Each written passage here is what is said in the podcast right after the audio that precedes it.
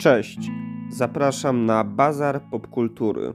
Słuchasz właśnie podcastu poświęconego tematyce filmów, seriali oraz komiksów. Uwaga, materiał zawiera spoilery. Szczerze mówiąc, nigdy nie byłem wielkim fanem żółwi wymierzających sprawiedliwość na ulicach Nowego Jorku przy pomocy dość niespotykanej broni i znajomości sztuk walki. Co prawda, ze swojego dzieciństwa pamiętam fragmenty emitowanych w czasie świąt filmów pełnometrażowych i jedną z ukazujących się regularnie serii kreskówek, jednak moja wiedza na rzeczony temat jest dość ograniczona. Jedyną produkcją, którą znam na tyle dobrze, by się o niej wypowiadać, jest porządnie wykonana animacja komputerowa z 2007 roku. O komiksach nawet nie wspominam. Nigdy nie miałem w ręku historii z bohaterami wymyślonymi przez Kevina Eastmana i Petera Lerda, więc nie mogę odnieść się do zaproponowanej przez nich wizji. Pomimo wspomnianych zaniechań, postaram się ocenić obraz Jonathana Libesmana jedynie incydentalnie, odnosząc się do tych skrawków poświęconych im dzieł, które udało mi się dotąd poznać. April O'Neil to młoda dziennikarka niezbyt zadowolona ze swojej pozycji w branży. Zamiast tworzyć reportaże dotykające poważnych kwestii, zmuszona jest pracować nad mało ambitnymi tematami, znajdującymi zazwyczaj swe miejsce w tzw. Tak paśmie śniadaniowym popularnego kanału telewizyjnego. Wszystko jednak ulega zmianie, gdy kobieta trafia na ślad mściciela zwalczającego członków klanu Stopy, z którymi nie mogą poradzić sobie oddziały policji.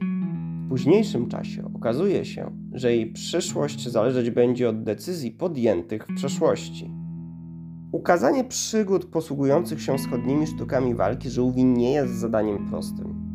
Debiutujący na dużym ekranie przeszło trzy dekady temu bohaterowie są na tyle specyficzni pod względem fizycznym, że ukazanie ich wyglądu w sposób co najmniej akceptowalny jest niezbędnym warunkiem sukcesu danej produkcji. Z całą pewnością można stwierdzić, że w przypadku omawianego filmu aspekt ten nie został potraktowany przez twórców po macoszemu. Choć nie do końca przepadam za nowymi projektami czwórki wojowniczych braci, to doceniam wkład, jaki graficy komputerowi włożyli w nadanie żółwiom nowego, współczesnego sznytu. Wskutek ich działań tytułowe postacie mniej przypominają prawdziwych ninja, a bardziej umięśnionych kulturystów, lecz w miarę upływu czasu da się przyzwyczaić do ich nowej wersji. Nie mam jednak wątpliwości, że ich obecny wizerunek nie przetrwa próby czasu i po następnych trzech dekadach będzie budził uśmiech politowania, tak jak ma to teraz miejsce w przypadku kostiumów użytych w filmach z lat 1990-93. Jeżeli chodzi o samą fabułę, to jest ona jedynie pretekstem do ukazania genezy bohaterów oraz przemian zachodzących w ich wzajemnych relacjach. Początkowo bowiem tworzą oni drużynę tylko z nazwy, przypominając raczej zbiór niezgranych ze sobą indywidualności. Szczególnie dobrze widać to na przykładzie stosunków panujących między Leonardem a Rafaelem, Pierwszy postępuje w sposób honorowy, racjonalnie ocenia bieżącą sytuację i stara się być jak najlepszym przywódcą. Z kolei drugi nie akceptuje pozycji brata, bywa agresywny i napastliwy. Trzeba przyznać, że scenariusz dobrze oddaje dynamikę zmian, jakie zachodzą między poszczególnymi żółwiami w trakcie dziejących się wydarzeń, dzięki czemu nie są one jedynie pustymi figurami. Dużo uwagi zostało również poświęcone szczurowi Splinterowi, który w nienachalny sposób został ukazany jako ojciec i mentor tytułowych bohaterów. Jest on właśnie taki, jaki powinien być: surowy, rygorystyczny, a z drugiej strony opiekuńczy i troskliwy, gotowy w każdej chwili oddać życie za przybranych synów. Co jednak dane zostało jednym postaciom, odebrane zostało drugim. Szczególnie tyczy się to ikonicznego przeciwnika żółwi, Shreddera, jego historia oraz charakter zostały całkowicie zmarginalizowane, wskutek czego arcywróg zmutowanych płazów przypomina raczej typowego osiłka, tyle że zakutego w zbroję. Sama historia miewa zarówno mniejsze, jak i większe błędy logiczne, co w tego rodzaju produkcji może nie tyle dziwi, co potrafi w pewnych momentach uprzykrzyć życie. Nie chodzi tu nawet o sam motyw dorastania czwórki bohaterów, gdyż wiadomo, że konwencja rządzi się swoimi prawami. Jednak próba przekonania widza, że wszystkiego można nauczyć się z ilustrowanych książek, jest z góry skazana na niepowodzenie. W tym elemencie o wiele lepiej sprawdzała się wersja ukazana w starszych filmach. Podobnie wygląda sprawa w przypadku jednej z finalnych scen, w której to postacie tak często lawirują na krawędzi, przenośni i dosłownie, że całe budowane napięcie niemal wyparowuje, popychając całość w stronę niezamierzonej parodii. Na plus zaliczyć należy kreacje aktorskie. Megan Fox nareszcie udowadnia, że jeżeli ma do zagrania postać o choć znikomej charyzmie, to potrafi wiązać się ze swego zadania co najmniej solidnie.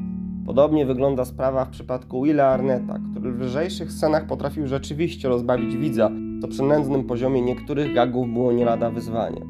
Na całej linii zawodzi za to William Fichtner w roli Erika Saxa.